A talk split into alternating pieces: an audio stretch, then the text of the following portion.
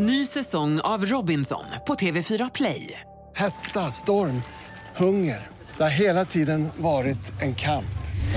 Nu är det blod och tårar. Fan händer just nu. Det. är Detta är inte okej. Robinson 2024, nu fucking kör vi! Streama söndag på TV4 Play. Hej, jag heter Gry Forssell och du lyssnar inte på radiostationen Mix Megapol. I alla fall inte just nu, för du ska ju precis höra ett nytt avsnitt av Mord mot mord. Men först vill ju vi säga hej. Hej, hej, det här är NyhetsJonas. Det här är Carolina Widerström. Och här är Gullige Dansken. Ja, och så Gry då, då. Det vi vill säga är att när du har lyssnat klart på den här podden, då får du gärna lyssna på våran. Vi spelar in ett nytt avsnitt varje morgon av våra podd Kvartsamtal. Och hela radioprogrammet blir ju också en podd om man är väldigt morgontrött eller så. Just det, om man missar morgonen ja. Men mest av allt så får du gärna lyssna på programmet i direktsändning varje morgon på Mix Megapol. Live varje morgon från klockan sex och då har vi med oss massor med vänner också. Thomas Bodström, Babben Larsson, Johan Pettersson, Christian Luuk. Massor med coola människor som bara dyker upp och gör livet bättre. Ja, som jag, Gullige Dansken. Exakt så. Och så mycket bra musik och annat skoj såklart. Så vi hörs när du vaknar på Mix Megapol.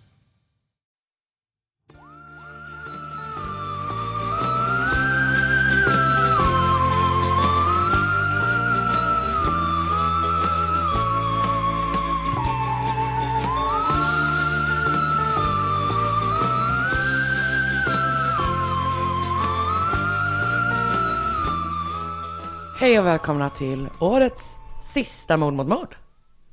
Ja, det blir det. Ja. Jag tänkte att du så tänkte fel, men det gör du ju Ja, aldrig. jag, jo, det händer. Det händer ofta. Eh, Jag heter då Karin André och du heter Anna Sandell och det här är en eh, true crime-podd. Ja, Där vi sitter mot, mot varandra, mot och mot varandra. mord mot mord varandra. Mord mot mord varandra och byter mord. Exakt. Typ så. Typ så. Ehm, och vi kommer göra, det här är ett litet specialavsnitt.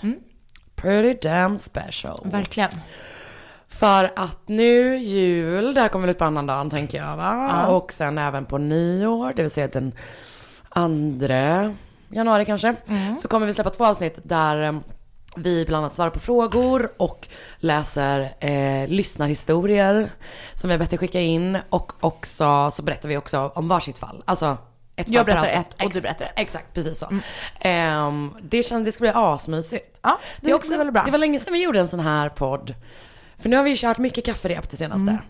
Nu blir det vinpodd. Idag blir det en redig jävla vinpodd. En riktig vinhaggepodd. Fast än så länge är vi ändå på hoffen. Vi på Erland, ja. Vi börjar vänligt. Ja. Skål. Skål. Hoppas du hade en bra julafton och att jag också hade det. Vad ska du göra på julafton? Jag ska fira med min med Oskar, med min kille Ja. och med min pappa. Och eh, min halvsyster, eller min pappas fru. Ja, vi är pappas familj. Ja. Ehm, vi är ett redigt gäng. Så Oskar är med hos uh, Mysigt. Ja, jättemysigt. Hans föräldrar är borta. Så Ja. att, ehm, Skönt när man slipper ja. ha den ja, men det ska bli diskussionen. väldigt mysigt.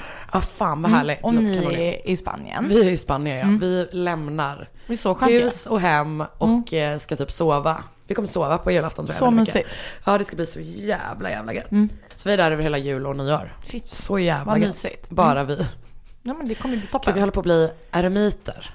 Nej, Nej. verkligen. Det är bra att, eh, det är väldigt bra att vi har den här podden så att jag måste komma ut. Exakt. Det är faktiskt väldigt, väldigt tur. Alltså, same. Men har du, Alltså, vänta. Jag tror att det handlar, här handlar mer om mig än det handlar om dig. så du och jag får interagera med människor, eh, varandra. typ. Varandra. Men har du liksom en stark julrelation? Sådär. Jag tycker det är väldigt mysigt. Men Ja. ja. vi har ju liksom inga direkta traditioner eller Nej. så. Men det, för mig är det väldigt viktigt att typ vara med familjen. Ja, plus att det är gött att vara ledig. Ja, så jävla mysigt. Alltså jag kommer ihåg, verkligen ihåg när jag var liten och jag kollade på den um, BBC-versionen av Narnia. Du vet den, men har du inte sett det? Det är när bävrarna ser ut som stora kottar. Nej, jag har inte sett Och det är så jävla konstig, liksom nästan sexuell stämning mellan hon Lucy, alltså lilla barnet, och Mr Tumnus. Men väldigt det märkligt. är det ju i Disney-versionen också. det är ju märkligt. Det är ju väldigt, väldigt konstigt. Ehm, men i, jag kommer ihåg att vi hade den på VHS när jag var liten och då så är det ju att Vita Häxans, eh, också bra att jag berättar, nu är det bara att jag berättar handlingen om, Nar- om Narnia.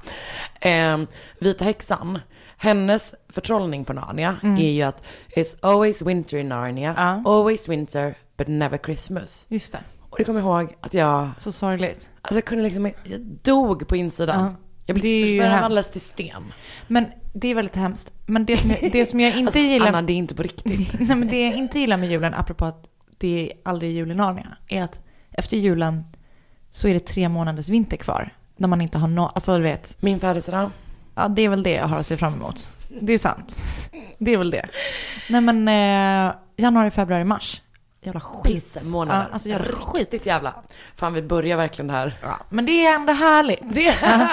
Hoppas det varit en vit jul, det hoppas jag faktiskt. Men jag var ju, alltså som barn var ju när mina föräldrar skilde sig, var ju det jag hade mest panik för, var ju just att traditionerna skulle försvinna. För jag är, men jag gillar ju verkligen sådana traditioner, framförallt kanske jag gjorde då, men också typ nu, som där jag liksom får känna att, vår, att det är vår familjs egna tradition. Alltså förstår du vad jag menar? Att det ska vara lite så som att Så man är lite unik. speciell, ja bara så här gör alltid vi. Och mitt problem var ju att jag liksom skapade typ traditioner. Alltså så här, jag tyckte att saker var traditioner. Som, ingen, annan, var tyckte. med på. Ja, men det kan jag förstå. Eh, och det var ju, eh, men liksom man kände sig så himla Men dog de då? töntig tror jag att jag kände sig? mig. Vad sa du? Dog traditionerna? Nej men det blev väl andra traditioner Ja. typ. Och så här, alltså Mina min- föräldrar fortsatte ju fira jul efter de hade skilt Men sig. de, mina föräldrar gjorde det efter ett tag. Eh, Jag åker ner till Göteborg nu um, fredagen innan jul. Mm. Och då är vi hos mamma bara över natten. För min bror är hemma, jag vill väl gärna träffa honom. Och då är min mamma och min pappa med deras respektive hemma hos mamma. Mm. Så det är asnice. Och så ska jag och min bror bo i deras sån extra lägenhet i deras Ja, område. Så jävla jävla härligt. Det blir Så det, ska, det ska verkligen bli kanon. Mm. Jag är ju tillsammans med en riktig traditionshatare. Det är så sjukt. Jag är ihop med en riktig traditionsälskare. Fan vad härligt. Och lite jobbigt. Men alltså nu börjar jag nästan, vänta berätta vilket sätt det är jobbigt. Nej men just för att det är som att han är så här. Det går inte att tumma en bit på. Nej. Till exempel den här julgranen som vi har. Som jag nu är för sig väldigt glad att vi har. Ja. Men jag tyckte det var helt orimligt att vi skulle ha en gran. För vi bor inte ens liksom. Så jävla mysigt. Det är asmysigt. Men så att jag ska säga okej men vi kan ha en liten gran. Er gran är ju inte liten. Och så när jag kom hem, då har han köpt den största granen.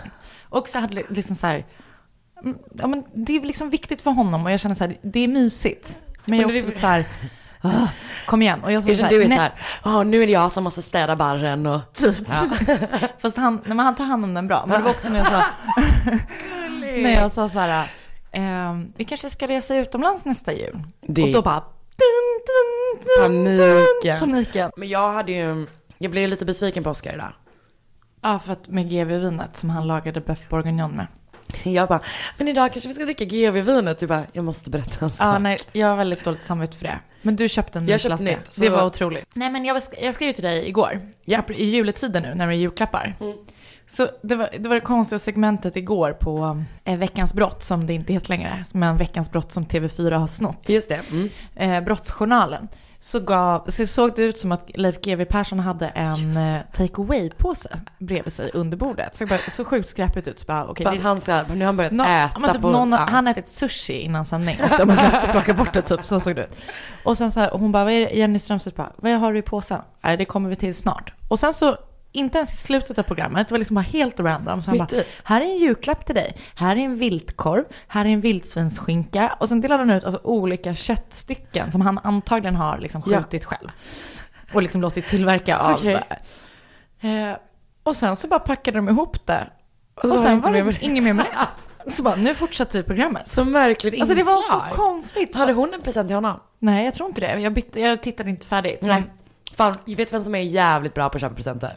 Jenny Strömstedt. Jenny Strömstedt. Det tror jag alltså, också. jag tror att hon... Eftertänkta presenter. Ja, Genomtänkta heter det. Hon och Niklas Mm. jobbar fram dem tillsammans. De bryr sig jättemycket om att ha liksom Mm. goda presentrecords liksom. Och hon är nog jättebra på att rimma. Hon är nog väldigt bra på att rimma.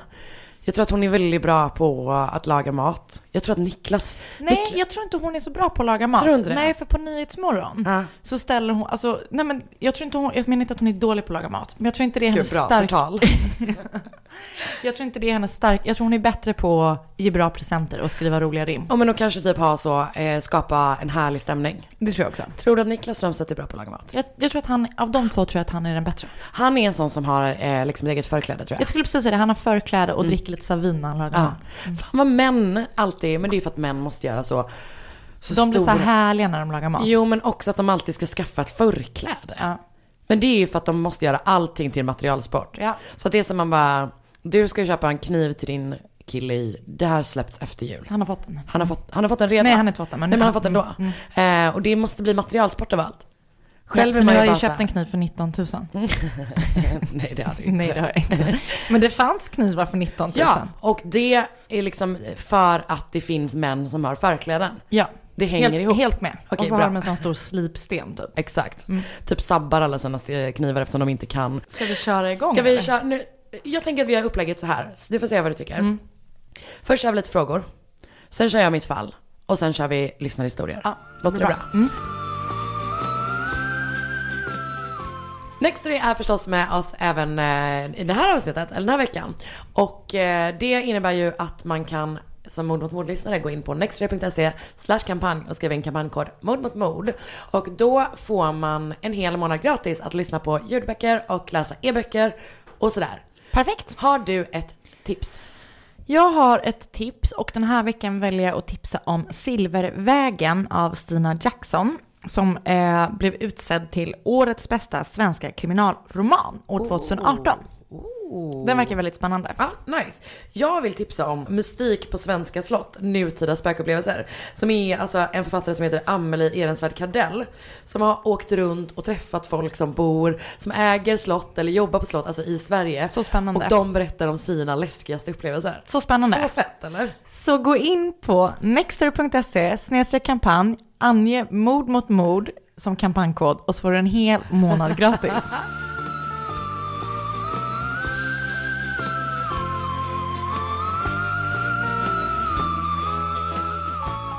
Nej men jag gjorde ju, vi har ju fått massa frågor på lite olika ställen. Ja.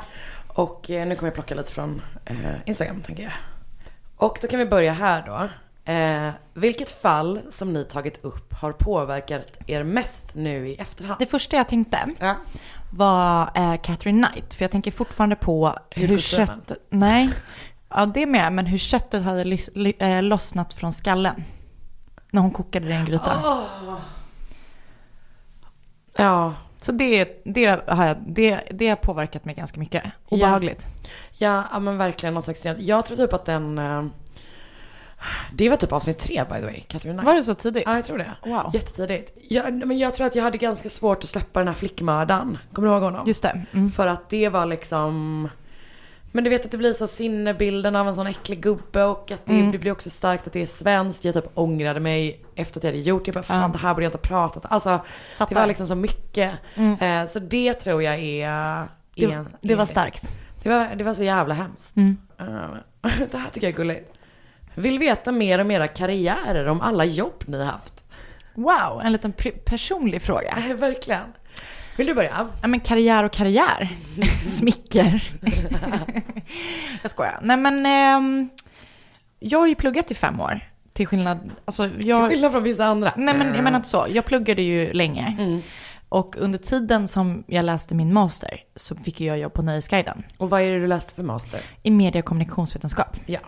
Eh, och då fick jag jobb på eh, Nöjesguiden där jag träffade dig. Ja. Och sen så har jag ju gått en liten brokig karriär, men jag ska ju byta jobb här nu efter jul. Så jag har dels varit som managementkonsult i ett Det är så år. coolt. Det är så konstigt.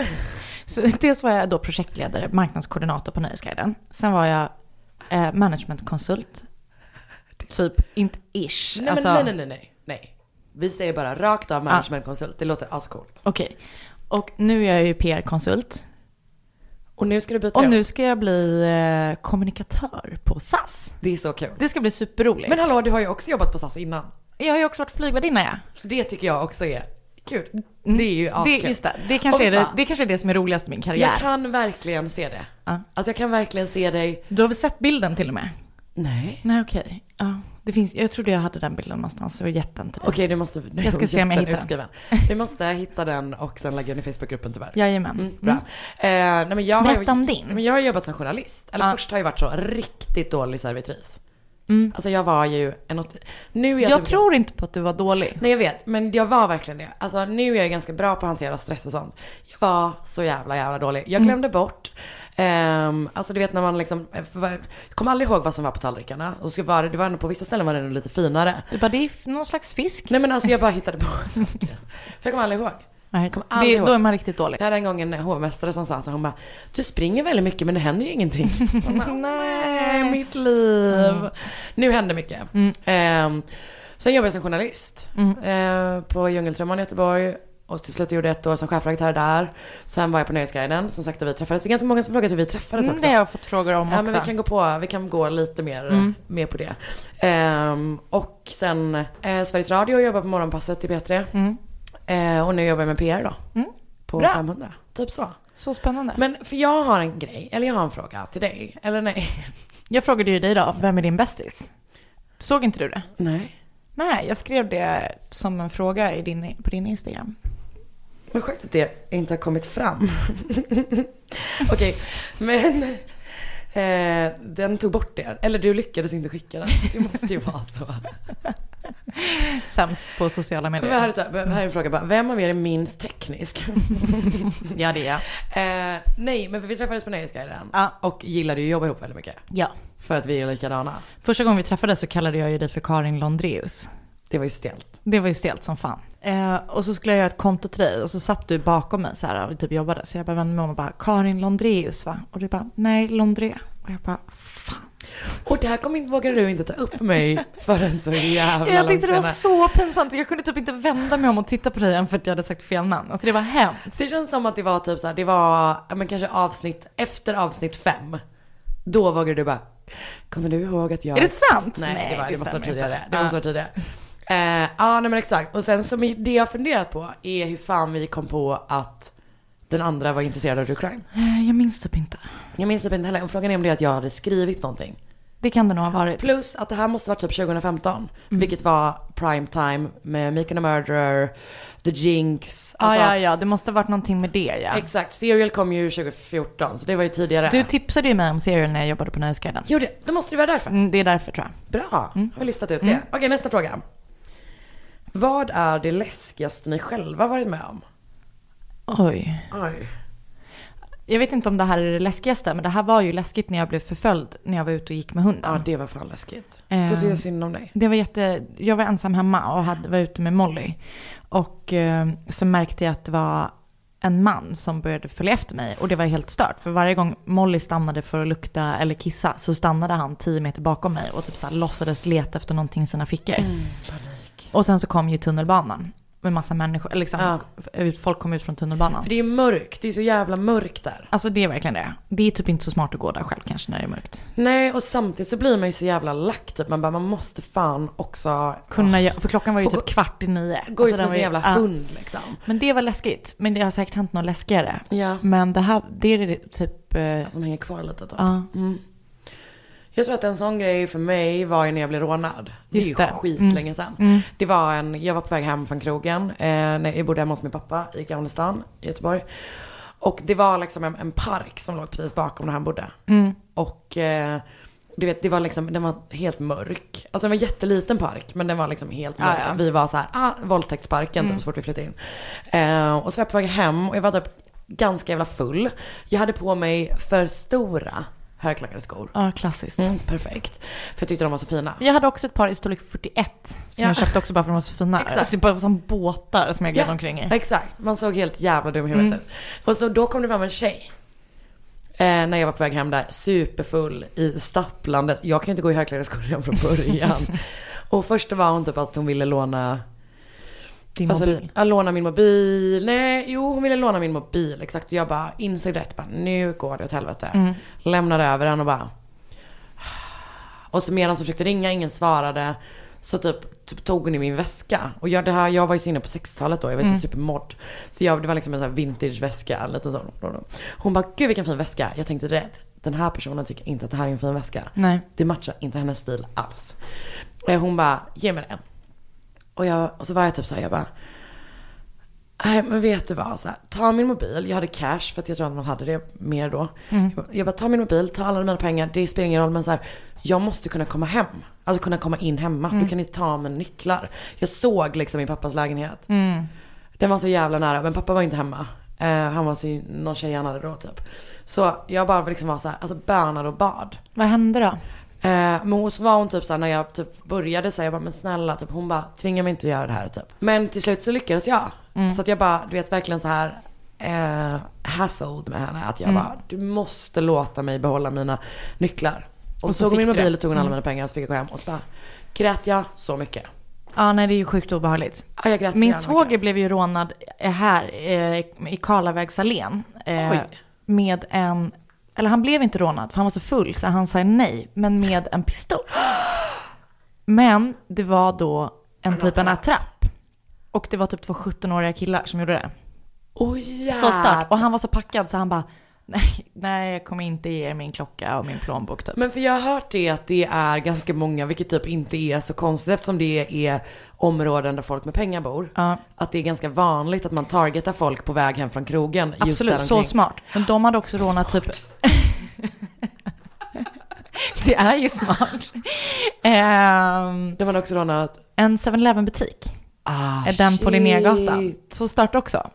Men det var, jag var inte med om det själv, men Nej. jag blev typ ändå skraj när ja, han berättade. man blir för det. att, hur många gånger har jag inte gått där? Exakt. Och typ varit en full Man är så jävla tjej utsatt. som har liksom rultat fram där. Ja, obehagligt. Livet. Mm. Ny säsong av Robinson på TV4 Play.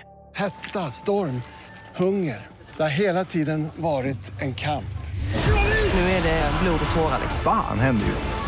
Det är detta inte okej. Robinson 2024, nu fucking kör vi! Streama söndag på TV4 Play. Ett poddtips från Podplay. I podden Något Kaiko garanterar östgötarna Brutti och jag, Davva, dig en stor dos skratt. Där följer jag pladask för köttätandet igen. Man är lite som en jävla vampyr. Man har fått lite blodsmak och då måste man ha mer. Udda spaningar, fängslande anekdoter och en och annan arg rant. Jag måste ha mitt kaffe på morgonen för annars är jag ingen trevlig människa. Då är du ingen trevlig människa, punkt. Något Kaiko, hör du på Podplay. Därför är Okej. Hur skulle ni mörda någon? Alltså vad tror ni är det perfekta brottet? Hur kommer man undan oupptäckt? Det beror ju lite på. Om man mördar någon eh, som man, Man har- vill ha död eller om man mördar just for the fun of it. Mm, Okej. Gud, du fick en så jävla läskig blick. Nej men jag bara tänker att ehm, jag, tror jag, hade, jag tror jag hade mördat någon med gift. ja, men ord vilket ju är klassiskt kvinnligt. Ja, jag tror jag att hade gjort det. inte... Jag vill inte, jag gillar ju, jag har ju basilskräck. Ja, jag vill inte behöva komma så nära. Nej, nej, just det. Jag hade absolut valt gift tror jag. Ja. Och sen så hade jag liksom kört, spelat på den eh, helt eh, liksom... Distressed. Ja, och liksom varit, jag tror typ jag hade ringt och Du hade anmält det ringt själv. sånt jävla Mm. 911, alltså Jag hade verkligen gjort det. samtal. Ja. Ja. jävlar vad du hade gjort det. Problemet är ju att man inte kan typ mörda någon nära om man ska Eh. komma undan med det. Jag hade gjort det liksom så här långsamt över lång tid. Så att så här, sakta bryta ner. Psykopat. Men vad, har du aldrig tänkt på det här, hur man skulle göra? Nej, men- alltså små, små, små doser av något gift som inte är liksom arsenik, som är typ Ja. så här, någon medicin som är så här, att får du den här medicinen så Ja. får du typ lever... Eh, Gud. jag vet Jag vågar inte äta din dipp. Jo. Du då? Du låtsas som att du inte har tänkt på det här. Du måste ju ha tänkt på det Nej här. men jag håller ju helt med dig om att man inte vill ha den där nära. Alltså typ som Mm. att jag hatar eh, strypgrejen Mm. liksom. Att det känns så, ja, det, är- åh, nej men det, det kan man ju inte relatera till det minsta typ. Nej. Eh, pistol är så jävla dumt tycker jag. Eller tänker jag för att då, Mm. Då är det kommer liksom få krutstänk. krutstänk. Man, kan, man kan spåra. Då har man två saker att göra sig av med kroppen och pistolen. Så det är inte heller Och bra. tvätta liksom. händerna. Och man måste komma ihåg att tvätta händerna. Vilket du vet om att jag har väldigt mycket problem med. Mm. Eh, Jag tänker mig att du kanske skulle så här, gjuta fast någons fötter i en hink och sen eh, dumpa dem i Nybroviken. Fan vad cool jag är i dina ögon. Nej. Ståplats i Nybroviken. Jag tror inte du skulle göra det. Nej, nej men jag har ju lite. Kanske putta någon framför ett tåg. På tunnelbanan. Men vet du, ibland när jag går i tunnelbanan så Alltså, tänker jag att någon ska livrädd. putta mig. Livrädd. Ja. Jag går aldrig i den vita kanten. Nej, Alltså nej. aldrig. Nej, alltså jag tänker på det så jävla ofta. Mm. Tänk om någon kommer nu. Putt. Och ibland Borta. tyvärr kan jag se folk som tänker så här, det här är en puttare. Och då går jag åt andra hållet. Eller liksom inåt. Då tar du tunnelbanan åt andra hållet. Förstår du vad jag menar? Vissa Jag tänker mig så här, den här personen kan mycket väl vara en som Vara en får för sig att putta med. Mm. Ja, nej men och grejen är väl, det är väl egentligen det livet handlar om och även typ det här intresset. Att man måste hålla utkik efter puttarna. Jajamän. Puttarna här i livet. Du valde inget sätt. Du fick bara mig att framstå som psykopat. Nej men alltså grejen är att jag tror att jag är med dig på just Gift. giftspåret. Mm. Alltså för det känns liksom cleant, jag behöver typ inte tänka att det är jag som gör, alltså det blir Nej. liksom inte lika tydligt. Men då är ju frågan vad man gör sen. Nu är, nu, okej, nu är, du har, vi har förgiftat den här personen tillsammans. Mm. Med hjälp av eh, någonting liksom. Mm. Vad gör vi nu? Då ringer vi eh, 112 och spelar. Jag vet inte vad som hände, den bara trillade ner Fast här. grejen är att du gör dem en, eh, vad heter det, obduktion och sen så eh, inser de att det är gift i kroppen. Ja, ja, men alltså det kan ju vara någon annan som har förgiftat. Mm. Jag älskar ju den här personen. Nej, jag vet inte. Och jag man- Verkligen. Det är vår gemensamma älskare. Vi skulle aldrig. men vad, skulle, vad tänker du man skulle göra? Att man skulle göra sig av med kroppen? Ja, Men det är det jag funderar på. Okej, Fast då grejen är att då kommer allt, det är, mm, ja, jag vet inte. eh, dumpa i, havet. Men de flyter ju alltid upp. Och grejen är att man kan ju inte stycka. Dumpa i Vänern. I Vänern. Dumpa mitt, vi åker ut mitt i Vänern. Nej, vänta, är Vättern djupare? Ja. Ja. Vi åker till Vättern. Ja. Ut i mitten. Där är det många som dör självmant också. Varför då? Nej, inte självmant. Men du vet, det är ju en sån sjö där folk försvinner. För att det är så djupt och typ, det kan blåsa upp storm där och sånt. John Bauer dog ju på Vättern. Det blev storm när hans, han och hans familj Ah. var ute. Ja. Och sen så, så dog de. Japp. Ja. Bra. Så förgiftning och dumpa i Vättern. Vättern. Mm. Bra. När blir det för mycket för er? Typ vilka tillfällen stänger ni av uh, My Favorite Murder för att ni inte pallar mer? Alltså My Favorite Murder behöver jag typ aldrig stänga av. Nej. Och För att jag tror att de har den grejen som jag antar är anledningen till att folk lyssnar på oss, oss också. Att liksom... Man eh, bryter av liksom. Man bryter av och det blir lätt att hantera det allra, allra mörkaste för att man typ får det liksom. Att Mm. man, det är liksom som någon slags andningspauser. Mm. Eh, en grej jag har stängt av var, har ju varit Sword and Scale. Jag har aldrig lyssnat på det. Nej, och, och där, det stängde jag av och återkom aldrig till för att det var Mm. för jävla explicit typ. Jag har typ, eh, tror jag aldrig stängt av en podd, men jag stänger ju ofta av, alltså när jag tittar på någonting. Mm. Ehm, och då kan det vara att jag kanske inte ens får se någonting äckligt, men bara att de pratar om någonting äckligt och jag får se någonting. Det blir liksom den, förstår du vad jag menar? Ja. Att den kombinationen går inte. Men jag tror typ att, i, eller det som får mig att stänga av, eller det som skulle få mig att stänga av, Ja. vet inte om jag gjort det, jag har nog typ gjort det, är när de beskriver våld mot underlivet. Ja, ja. Det, jag, alltså, det är nog... Ja. Alltså, det gör mig arg. Ja. Nej, arg, arg, man- är arg och man- illamående. Jag känner Man smärtan. känner det Mm. i sin, ja verkligen. Och jag känner typ likadant med bröst. Ja. Det är För lite mig samma är sak. underlivet värre. Men Ja. jag förstår ja, när de skär bort. Ja. Alltså framförallt bröstvårtor. Ja. Eh, jag, har, eh, jag har typ ett sånt, det är skitlänge sedan, jag läste en bok, vad fan heter han? Ian Banks, Ian M. Banks, något sånt. Mhm. Som är en skotsk författare tror jag. Skrivit böcker som utspelar sig i Skottland i alla fall, skitsamma. Där det beskrivdes en tortyrscen. Ja, nej, det är hemskt. Och det var liksom en bok, alltså jag läste den Mm. och jag läste den på väg till jobbet, det var skitlänge sedan, det var säkert tio år sedan. Mm. När jag jobbade som, alltså jobbade i skola liksom, Mm. vikarie. Och jag var alltså tvungen att sätta, alltså, lägga ihop boken och sätta mig ner på marken Mm. på Göteborgs centralstation. Ja, men för man- att man det, kan bli alltså, det svimmig typ. snurrade. Ja. Då var jag verkligen såhär, nu svimmar jag. Mm. Och sen har jag också ett, ett ehm, jag researchade ett fall, nu ska vi se vilket, jo, oh, det var ju också grovt. Kommer du ihåg han som krossade ben? Ja, jävlar. Ja. Min chef som inte ens kan lyssna på podden Ja, för, att hon tycker, för att hon tycker att det är så äckligt. obehagligt. Hon har lyssnat på ett avsnitt Nej. och det var benknäckarmänniskan. Det var, det var riktigt äckligt alltså. Det var, men för det är någonting med den känslan, alltså, åh. Jag har aldrig brutit någonting men jag hoppas jag slipper. Ja, jag hoppas också du slipper. Ja. Eh, jag däremot klarar av det. Men Nej, vi men det som hände då i samband med det var att jag typ gjorde research och hamnade på ett forum. Det. Där det kändes som att det faktiskt var actual Mm. killers som skrev till varandra. Och då var jag också såhär, nej okej nu stänger jag av. Nu blir det Parks and Recreation Mm-mm. he- i två veckor. Ja. Verkligen så. Ska jag berätta mitt fall? Ja, gärna. Nice.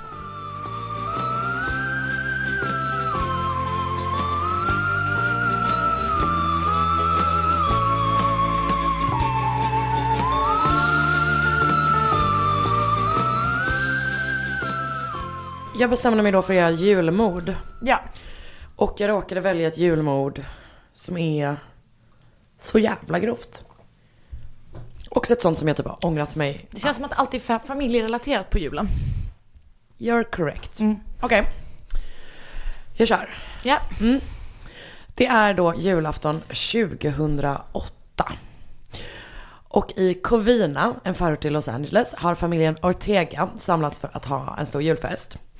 De är då hemma hos Alicia och Joseph, eller Papa Joe som han Mm. kallas. Ehm, och det är liksom, när den här familjen har fest så är de alltid hemma hos dem. Det är alltså mamman och pappan. Eh, Alicia föddes i eh, Mexiko och eh, han, eh, Josef var från, alltså han var född i USA men hans familj var från Mexiko. Eh, och de hade då träffats när han var där och hälsade på 55. Och det var verkligen så här, love at first sight. De var Mm. gifta inom tre veckor och det var verkligen bara så här super, super kära. Så de startade då en målerifirma i USA och 1982 så, så bosatte de då i det här stora huset i Covina på eh, 1129 East Knollcrest Drive. Och de fick då fem barn. James, Charles, eh, Alicia, Sylvia och Letis- Leticia. Fem barn är så jävla mycket. Det är så jävla mycket barn. Eh, och grejen är att vid det här tillfället så är typ alla i så här 40-50 års åldern. Mm. Så du fattar ju hur många barn. Men när var det här de fick barn? 85 sa du va? Mm, nej, alltså 2008 så är barnen mellan typ 43 och 52. Ah, okej. Och alla de har ju då fått flera barn liksom. Så det är en extremt stor familj. Eh, så de är då, den här julafton 2008 så är det typ 25 personer i det här huset. Mm. Och de har haft en kanonkväll. De är liksom en extremt nära familj. Och alla i området vet om att de är liksom, de har ofta stora fester. Och de är så extremt tajta men också väldigt öppna för andra. Och de bjuder in Ja, folk sina- alltså. Ja men verkligen underbara personer verkar de som. Under, under den här kvällen då så har de så här dansat, ätit mat. De gillar att spela väldigt mycket, både på hästar men också så här, de har spelat poker under kvällen. Ja. Ehm, och så har de ringt då familjen i Mexiko och typ alla pratar bara så önskat Merry god, god, Christmas. Ja, exakt, så jävla mysigt. Feliz Navidad. Exakt. Ehm, men framåt halv tolv så börjar det liksom bli dags att runda av. Och folk har redan börjat så här, men börjat plocka ihop sina grejer och du vet, I guess väcka sina barn eller Mm. whatever liksom. Ehm, och då ringer det på dörren. Och det är åttaåriga Katrina som är Leticias, Leticias eh, dotter. Hon som öppnar. Mm. Och hon blir överlycklig för utanför står en man utklädd till jultomten. Och han bär på ett stort och fint paket. Så hon springer liksom mot honom och när hon gör det så plockar han upp en pistol och skjuter henne. Och hon, du behöver inte oroa dig, hon kommer överleva. Mm. Eh, men det gäller inte för alla andra i familjen Ortega. För innan klockan slår 12 eh, så kommer nio personer ha mördats Jävlar. i vad som kallas för Covina-massakern. Vem är tomten då? Ja du, det är, jag bara, det är långt kvar innan jag får reda på det. Men det är ju läskigt att det bara är Alltså, en tomte. som fan. Okej, Okej. de som mördas är då Alicia som är 70 år och mamman. Och Josef som är eh, 80 år och pappa. Storebror James, han är 51. Theresa som var gift med honom. Hon är 52. Näst äldsta sonen Charles som är 49. Sherilyn som är 45. Som var gift med Charles. Eh, dottern som också heter Alicia, eh, hon var 46. Hennes son Michael som bara var 17. Och dottern eh, Sylvia som är 43. Så hon är yngst då. Och det är då en person från liksom, som framförallt kommer från Sylvias liv som är gärningsmannen. Så det, den här storyn kommer framförallt handla om hennes liv. Okej. Så Sylvia Ortega föddes 65 och beskrivs som kind, honest and always looking at the bright side of things. Som du. Fan vad I alla taskigt. fall de första. Gud vad taskigt. Det var inte Du är snällt. kind and honest. Det var inte i julanda. Du är kind and honest. Men jag vet inte om jag ska säga att du är always looking at the bright side of things. Taskmutt. Ooh. Okej, hon jobbade med lite olika grejer under sitt liv men eh, typ ganska mycket så administrativa tjänster för olika typer av företag. Som du. som jag... jag skojar. Så dålig comeback. Svag. Svag. Okej. Hon skaffar då under sitt liv tre barn. Sal som föds eh, som 2008 är 21 år. Och Selina som är 20 och så Amanda som bara är 6. Och de två första får hon då med sin första man. Men han där i en bilolycka. Nej. Jag vet, det är verkligen sorgligt. Och sen då så bor familjen med hennes andra man i Oklahoma.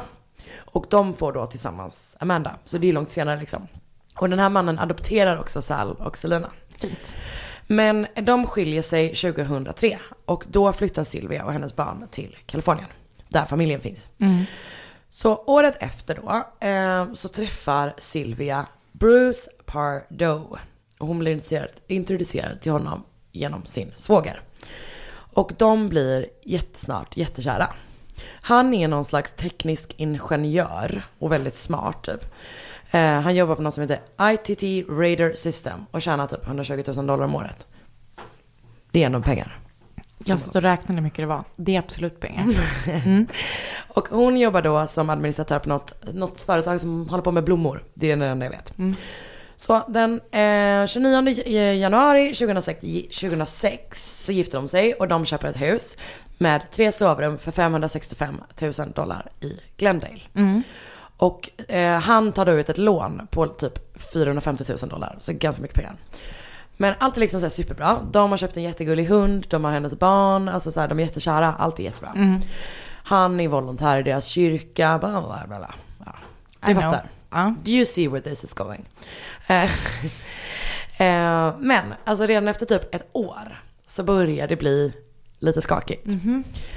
För hon tycker då att han liksom börjar bli så kall och avvisande mot henne. Mhm. Och han har typ innan varit så översvallande liksom. Men Mm. att han, han typ drar sig tillbaka.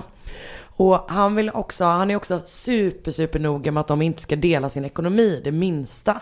Utan han är så här, han bara nej nej vi kommer inte ha några gemensamma konton, dina barn är dina barn. Alltså du vet. Ah, okay. mm. Eh, och jag fattar verkligen att ja, man inte vill dela sin ekonomi rakt av. Det är också helt fine. Mm. Men han är typ lite konstig Det är about weird, it, liksom. liksom. Ehm, så hon börjar då tveka på relationen. Och det kommer hon då få ytterligare anledning till. För i slutet av 2007 så pratar Silvia med Bruce mamma. Och Mm. de har kommit varandra jättenära. Hon är typ, ser hennes barn som barn. Alltså det är verkligen så här, Mm, mm. de är väldigt nära varandra. Och då berättar hon att Bruce har en son. Från ett tidigare förhållande. Mhm. Och den här sonen trillade ner i en pool.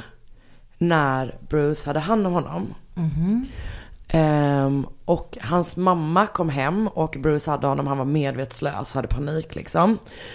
Ehm, och de åkte in till honom, honom till sjukhus med ambulans liksom. Och efter någon vecka så kom läkarna fram till att han hade liksom, men fått en hjärnskada. För att han hade varit, ja, du vet. Ja, jag fattar. Så himla himla hemskt.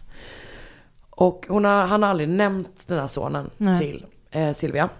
Han har heller inte nämnt att han gjorde slut med mamman till barnet, alltså ett halvår efter det här hände. Eh, vägrade betala sjukhusräkningar, alltså du vet verkligen, Mm, mm. tog inget ansvar överhuvudtaget. Han har inte träffat dem en enda gång sedan dess. Men trots det så gör han skatteavdrag för sonen. Men gud. Mm. Det är verkligen så här dubbel jävla fittighet. Mm, mm. Eh, mer om Bruce. Han var då som sagt någon slags ingenjör, han var jävligt smart, typ bra på matte, bla bla bla. När han tog examen så hade han med sig en blow-up-doll till ceremonin. Ja, fräscht. Vad har du för, kommentarer på det? Nej, Så Kul skön, spex, eller? skön kille. Exakt, verkligen så. Eh, och han beskrevs som smart men lat. Som du! Ja! Åh gud, att jag la upp den för dig också. Yay! Eh, han gjorde exakt vad han ville när han ville. Inte som jag. Inte som du. Nej. The moment's gone. Mm. Eh, så han, liksom, han brydde sig typ inte så mycket om vad andra tyckte om det. Innan han träffat den här kvinnan då som han fick det här barnet med. Så hade han träffat en annan kvinna som han jobbade med. Mhm. Och ehm, de hade då blivit ihop och han hade haft det väldigt tufft ekonomiskt typ under perioden när de var ihop för att han fick sparken. Mhm. För att han hackade sig in för att ta reda på vad hans kollegor tjänade i lön. Alltså, okej. Okej, vi fattar. Vi fattar, du är som du är. Verkligen, verkligen. Så han hade fått liksom sparken då. Så alla, de förlovade sig, skulle gifta sig, alla pengarna kom liksom från hennes håll. Mm. Hon skulle ha ett väldigt stort bröllop, 250 gäster. Mm. Men när dagen kom så dök Bruce inte upp. Såklart. Fan, Eh. det är fan taskigt alltså. Alltså det är, alltså, kan du ens... Alltså det är fan lågt. Det, gud, du tar verkligen i. Nej men alltså. På en sån dag, Ah. alltså fan. Det hon inser efter en vecka eller några dagar senare är att han också har tagit ut typ 3-4 tusen dollar ur deras gemensamma Soft. konto. För han hade inga problem att ha ett gemensamt konto med henne. Och sen hade han åkt på semester i Palm Springs. Soft. Också typ att jag kan känna såhär, sikta hög. Verkligen. Lite så. Ja. Ehm, mm, mm, mm. Så, nu är vi sent 2007. Han Mm. är ihop med Silvia. Det går inte så bra. Eh, deras relation blir liksom allt sämre och sämre. Så de kommer då överens om att de ska separera, men Mm. fortsätter bo tillsammans ett tag först. Och i mars 2008 så frågar Silvia om det kanske är okej, typ att de så här, kan inte vi bara få kvar, bo kvar här tills Amanda har gått ut det här skolåret? Mm-mm. Eh, det är ju bara några månader liksom. Eh, svaret på det får hon när hon är, kommer hem från ett, eh, ett födelsedagskalas och alla hennes, hennes grejer och alla hennes barns grejer är på trottoaren. Så. Men As. också typ när det är så man bara, hur fan kan man göra så när man typ har dragit in, alltså du vet att man har fått en relation till barnen och alla sådana grejer gör mig tokig. Jävla as. Okej, då blir hon så här, hon bara, nej men nu, nu är det nog bra typ. Det här kommer inte lösa sig liksom. Så hon ansöker om skilsmässa eh, och flyttar in hos sina föräldrar. Tar med Mhm. sig Amanda. Jag tror att hennes äldre barn är på college nu. Mm. Så hon tar med sig Amanda och flyttar in hos sina föräldrar. Ehm, och då börjar då en, alltså inte en superbitter skilsmässoprocess. Nej. Inte så att den är helt sjuk, men ganska Men inte bitter. så trevlig heller. Nej, och jag tänker att det ofta är så. Ja. För det som händer då är att Bruce har inte längre, alltså han och hans mamma har en jättedålig relation. Men hon är ju som sagt supernära Silvia. Mm. Så alltså i rätten sitter hans mamma med hennes familj. Och jäklar. Ja, det är verkligen. Det är tufft. Det är verkligen starkt. Gud, alltså jag önskar att ni kunde se Anna när hon just nu, hon är så sugen på popcorn. Hon vill så gärna äta dem. Så just nu har hon liksom ett helt, en hel charad på gång när hon försöker äta popcorn tyst. Det är supertyst, jag lovar. Ja, ja, det Mm. kändes verkligen som att det var det. Jag var imponerad, men du såg så himla, du blev glad för att du hade liksom eh, Utvecklat en teknik. Ja men och typ såhär, eh, liksom knackat systemet eller vad man ska säga. Eh, ja. och eh, så hans mamma sitter med hennes familj i rätten. Och han säger då till sina vänner att hans fru är taking him to the cleaners. Och att han tycker att det är jobbigt att hans ekonomi så här hamnar Är det ett på... uttryck för att man blir barskrapad? Eller? Ja, precis. Att man vill ta alla hans pengar liksom. Mm. Mm. och han tycker typ att det är jobbigt att så här, ja, men hans ekonomi är så här på, ute i det offentliga. Liksom. Mm. I juni 2008 bestämmer en domare att Bruce Pardo ska betala Silvia Ordega 1700 dollar i månaden. Det är verkligen mycket pengar. Ja. Och också för att de har ju inga gemensamma barn. Nej, det är verkligen jättemycket pengar. Utan det är bara sån, vad heter det, spousal support. Eh, vad heter det, underhållsbidrag liksom. Ja. Mm. Ja. Det lät väldigt intressant. Ja, jag vet. Men grejen är att jag tror att det är för att han tjänar ju, jag tror att hon tjänar typ 30 000 dollar om året och han tjänar Ja, 120 fyra 000. gånger mer, så det ja. måste vara någon sån situation. Men grejen är att hans första check eh, går inte igenom. Ja. Och det tänker jag skulle kunna bero för att Bruce återigen har fått sparka på för, från ett jobb. Den här gången så har han då tagit betalt för timmar som han inte har gjort. Ah. Bete dig. Eh, jag sa till Bruce, inte till dig. Mm. Du behöver aldrig bete dig. Tack. Eh, mm, mm, mm. Och eftersom det då var hans fel att han fick sparken, att han faktiskt gjorde fel, så får han ingen arbetslöshetsersättning. Du behöver inte tycka så synd om honom. Men grejen är att redan fem dagar innan det här beslutet om underhållet, att det blir liksom den summan och sådär, kommer, så har Bruce börjat förbereda en plan. Mm. För den 13 juni köper Bruce en pistol på affären Gunworld. Ja. Eh, det, och det är, det här, alltså den resan till Gunworld är då något han kommer typ upprepa var 30 dag i fem månader. För att i Kalifornien, åtminstone var det så då, så får du bara köpa vapen, ett vapen i månaden. Okej, men det är ändå bra. Verkligen, det funkar svinbra. Så han bara åkte till samma ställe och köpte vapen varje månad. Jävlar. Mm. Fem, fem vapen, fem pistoler. Mm. Rimligt. Ehm, Och sen åker han till någon annan stat, jag minns inte vilken det är, där han köper en viss typ av kulor som inte finns i Kalifornien, Mhm. de är inte lagrade där. I september samma år så tar Bruce kontakt med en granne som gör utklädningskläder. Och beställer en tomtedräkt för 300 dollar. Han är nästan två meter lång och han väger typ 120 kilo så han är en stor Jättestor. man liksom. Mm. Och han behöver liksom en specialsydd kostym och han säger att det är för, den här kyrkan han jobbar i, att de ska ha Mhm. någon grej där. Men han ber också om att få extra utrymme i den. Alltså mer än vad han egentligen behöver liksom. Mm. Eh, så hon liksom syr upp den till honom. Mm. Och sen börjar han då bygga en grej i skjulet bakom sitt hus. Det är någon slags tryckbehållare med typ något jätte, vad heter det, brandfarligt eh, bränsle. Mm. Alltså det står jet fuel överallt, inte det typ flygbränsle? Jo, det skulle jag tro ja, att det är. det låter ju som det. Ja. Eh, det står det i artiklarna i alla fall, så I guess. Eh, och sen så bygger han ihop det liksom med någon slang och lite andra, ja. På julafton 2008 så hyr han två bilar. En Toyota som han packar datorer, kläder, vatten och en karta över södra USA och Mexiko i. Den parkerar han i Glendale, väldigt nära sin exfrus skilsmässoadvokatshus. Och framåt kvällen så säger han hejdå, hejdå till sin granne, som senare kommer säga att han verkade helt normal. Och kör mot Covina. Iförd den här tomtekostymen med extra utrymme, där han har gömt fyra pistoler. Han har också med sig en hemmabyggd eldkastare, som är vad han har jobbat på i skjulet. I skjulet. Alltså typ så här. Japp, och den är då inslagen i ett paket. Fy fan. Eh, så då kör, sätter han sig då i den andra bilen som han har hyrt, en Rover, och kör då mot familjen Ortegas hus i Covina. Så nu kommer det bli så jävla hemskt. Mm. Är du beredd? Jag är beredd. Mm. För klockan är då halv tolv på kvällen och den här lilla flickan Katrina öppnar dörren och blir den första som skjuts. Och sen går han runt i huset och verkar liksom medvetet så här välja ut vilka han vill skjuta. Mm. Det här går extremt fort. Alltså allting är över på några minuter typ. Mm. Ehm, och de, alltså några av dem är liksom skjutna avrättningsstyle liksom. Mm.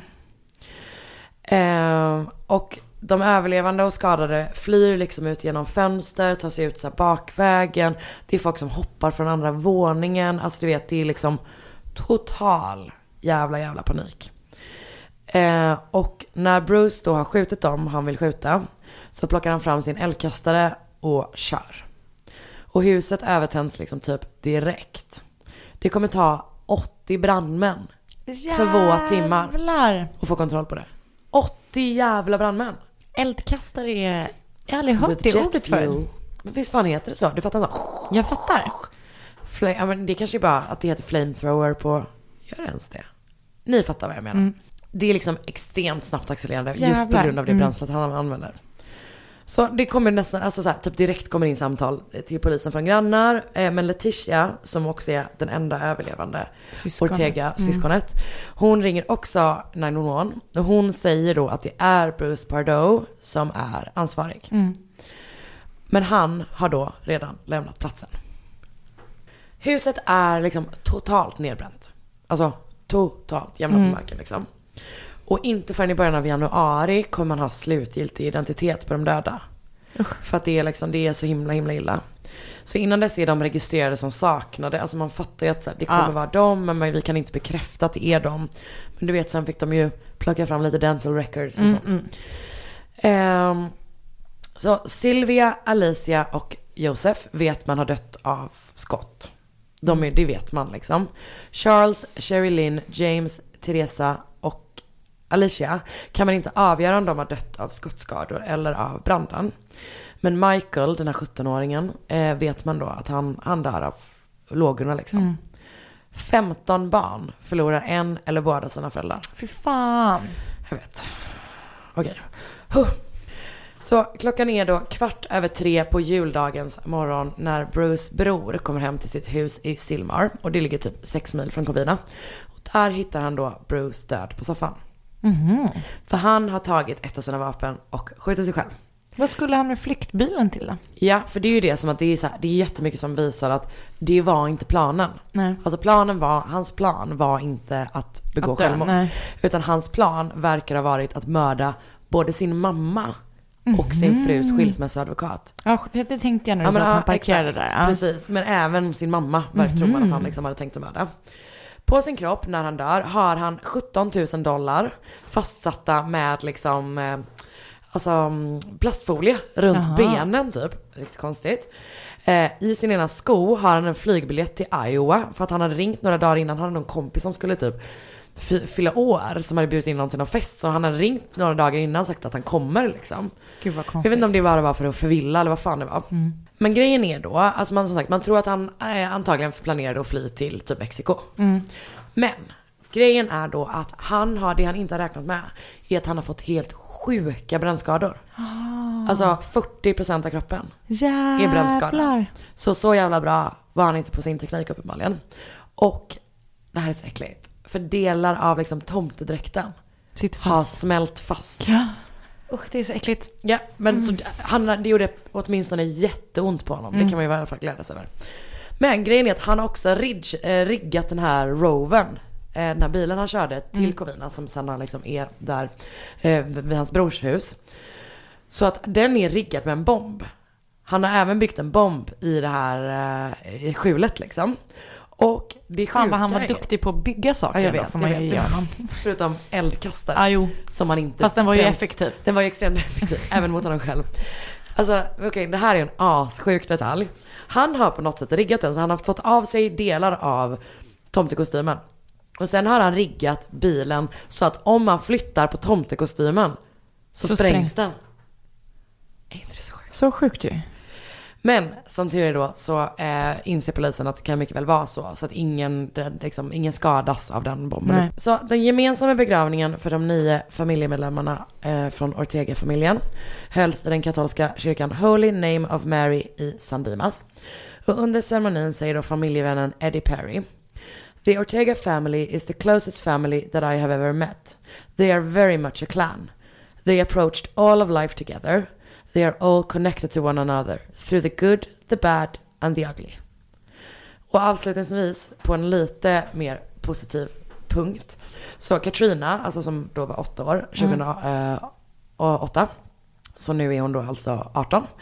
Och eh, hon är ju superaktiv i den här rörelsen, du vet där, där unga människor, eh, alltså unga amerikanska ungdomar lobbar för liksom nya vapenlagar som har blivit så himla stark nu under, eh, ja, men under året typ. Mm. Så i samband med skolstrejken, du vet den 14 mars när det var så att de skulle gå ut, de skulle lämna sina klassrum i 17 minuter, en minut för varje offer för Ja. Parkland-skjutningen.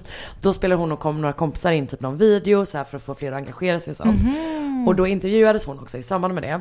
Och då sa hon så här till en tidning. I know my family, my angels, are here watching me. They're seeing I'm finally going to make a difference and stand up for something that needs to be changed. I'm fighting for them. Wow. Starkt. Så det där var då Covina-massakern. Gud vad sjukt. Från 28, 2008. Hur sjukt? Så sjukt. Det var asobehagligt. Mm, jag vet. Öppna inte dörren för jultomten på julafton. Det är det vi tar med oss här. Stäng, stäng och lås, Mm. säkerhetskedja på. Verkligen. Och rasta aldrig hund. Nej. Skoja, rasta hund. Och, Ja. eh, men för grejen är att det är ju lite läskigt med tomtar. Jag tycker att det är väldigt läskigt med masker. Det är ju skitläskigt. Och just den grejen att typ såhär, alla i familjer har en historia om den gången det kom en tomte som ingen vet vem det är. Ingen jag känner har det. Jo, kanske. Jag kom, jo, men när jag var liten. Ja då var det exakt, så här någon jag är släkting. nu. Har jag berättat om när jag, mina föräldrar gjorde det bästa tomte, tomtetricket någonsin? Jag vet inte. Som jag inte förstår, fortfarande inte förstår hur de gör och problemet är att min mamma inte minns hur de gjorde. För att vi var liksom, vi bodde i tvåfamiljshus, vi Mm. bodde på övervåningen. Så var det vind ovanför. Och eh, de där nere var liksom inte hemma. Mm. Och plötsligt bara hör vi världens största duns på taket. Mm. Och så, så får vi springa upp, liksom, eller jag pappa gå upp. Och då ligger En tomte tomtesäcken där. Ah. Och så stod det typ en lapp att det var så här, att de var tvungna att bara slänga av den i farten. Det var ju perfekt. Men jag fattar inte vem som gjorde det. Men du var ju ett barn. Jag vet, men jag fattar ju fortfarande inte.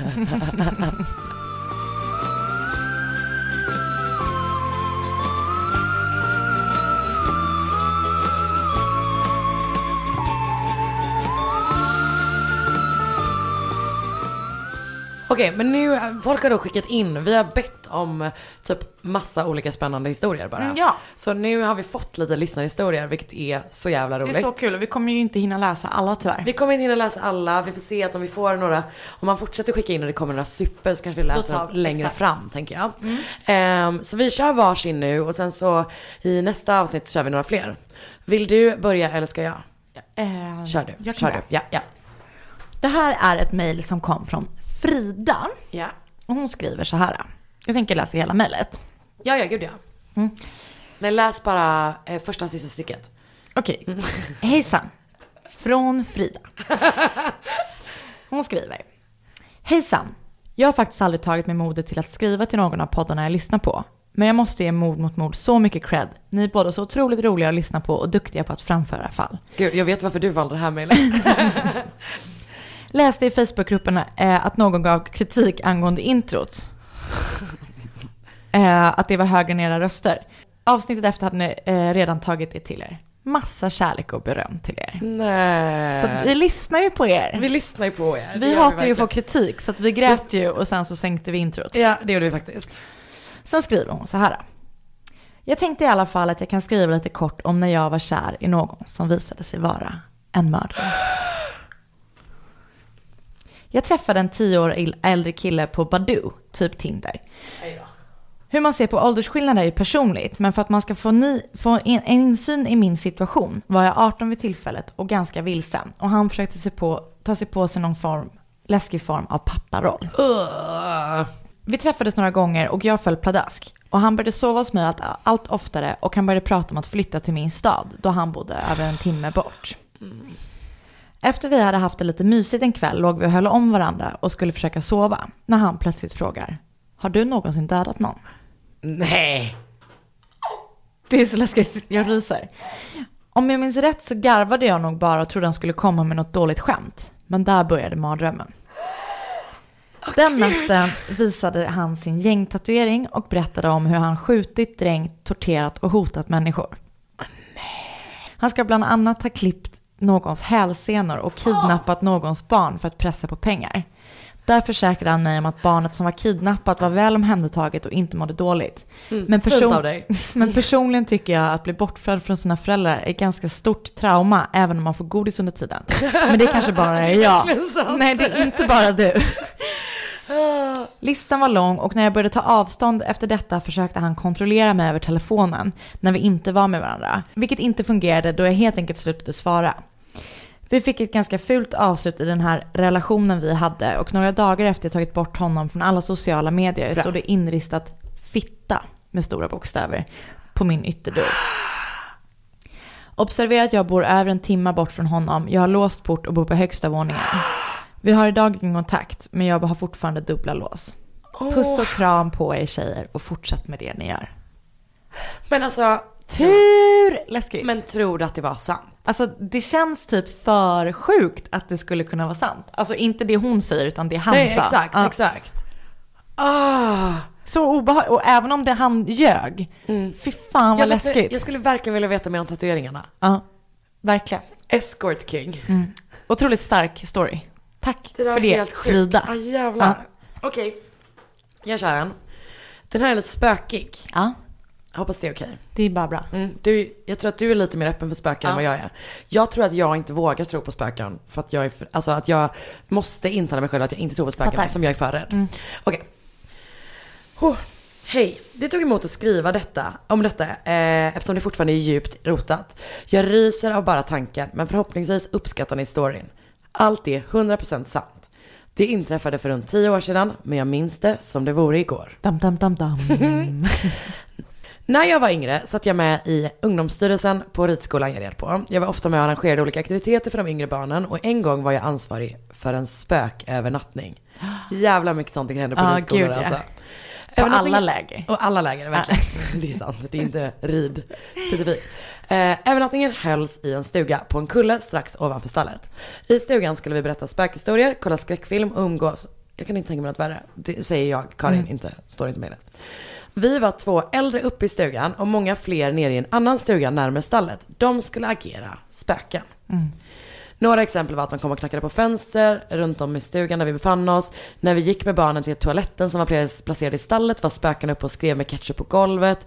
Väldigt simpla grejer med andra ord. Inför varje grej som hände blev vi två ansvariga, eh, blev vi två ansvariga informerade på sms så vi skulle vara beredda. Under kvällen efter en skräckis att vi skulle äta middag. Alla hade en egen matsäck med sig och vi turades om om att värma maten i mikron. I stugan vi satt i fanns två rum utöver hallen. Vi var i det stora rummet och längst in fanns ett rum som var helt fyllt av bord och stolar från golv till tak. Det fanns ingen dörr till rummet men dörröppningen täcktes av en brandfilt. Helt plötsligt, från ingenstans, började ena hörnet på filten åka fram och tillbaka. Långsamt först och sen snabbare med större sving. Hundarna som är med oss börjar morra och hoppar upp i soffan med oss. De båda skakar. Vi skickar då sms till spökena, alltså de där nere, eh, och frågar vad de gör och vem som är här uppe. Svaret vi får är att de alla sitter där nere och äter middag. Filten fortsätter svinga fram och tillbaka. Barnen som innan tyckte att allt var roligt är nu rädda på riktigt. Ingen... Den här meningen är otrolig. Ingen vågar gå fram och kolla bakom filten. Men en av barnen kastar in sin Billys-pizza under filten i det andra rummet. Vilken jävla hjälte! Verkligen. Offra! Gud vad jag inte hade gjort det. Nej gud nej, man bara, har någon annan, någon med Gorbis hade vi kunnat- Verkligen. Filten blir blickstilla och det kommer ett ljud från andra sidan som vi aldrig kommer glömma. Ett morrande och rytande som ingen människa skulle kunna få ur sig. Men usch! Det blir helt knäpptyst en stund. Ingen rör sig och det går att ta på stämningen i rummet. Filten förblir stilla. Efter ett tag tänder vi alla lampor och tjejen som kastar in sin pizza lyfter bort filten. I rummet är det helt tomt utöver alla möbler. Fönstret som finns i rummet var låst inifrån. Det hade inte gått att komma förbi möblerna utan att låta och inga fotavtryck fanns nedanför fönstret i snön. Än idag är det ingen av spökena som ger sig till känna.